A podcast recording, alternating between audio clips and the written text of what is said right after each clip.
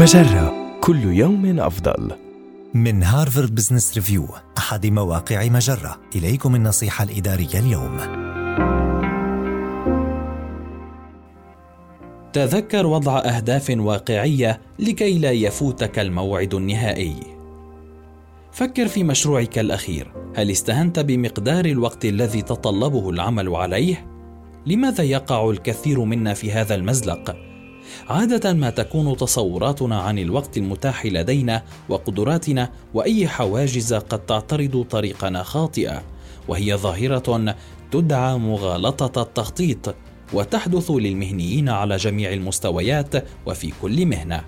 وإليك كيفية وضع أهداف واقعية لمشاريعك كن موضوعيا ولا تفكر بأنانية اسأل نفسك ما مقدار الوقت والجهد اللذين تطلبتهما مهام مماثلة في الماضي؟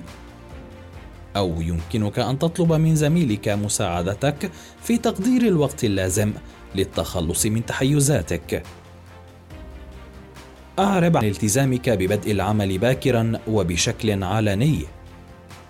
أخبر شخصا ما بموعد إنجاز المهمة والوقت الذي ستستغرقه.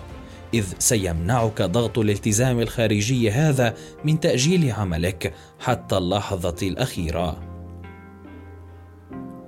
خصص وقتا إضافيا.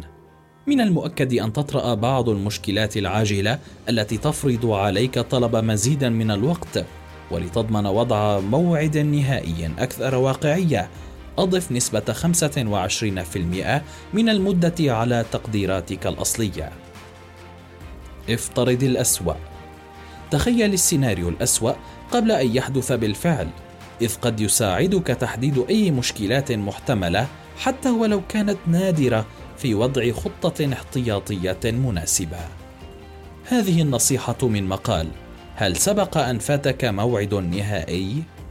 النصيحة الإدارية تأتيكم من هارفارد بزنس ريفيو أحد مواقع مجرة مصدرك الأول لأفضل محتوى عربي على الإنترنت مجرة كل يوم أفضل.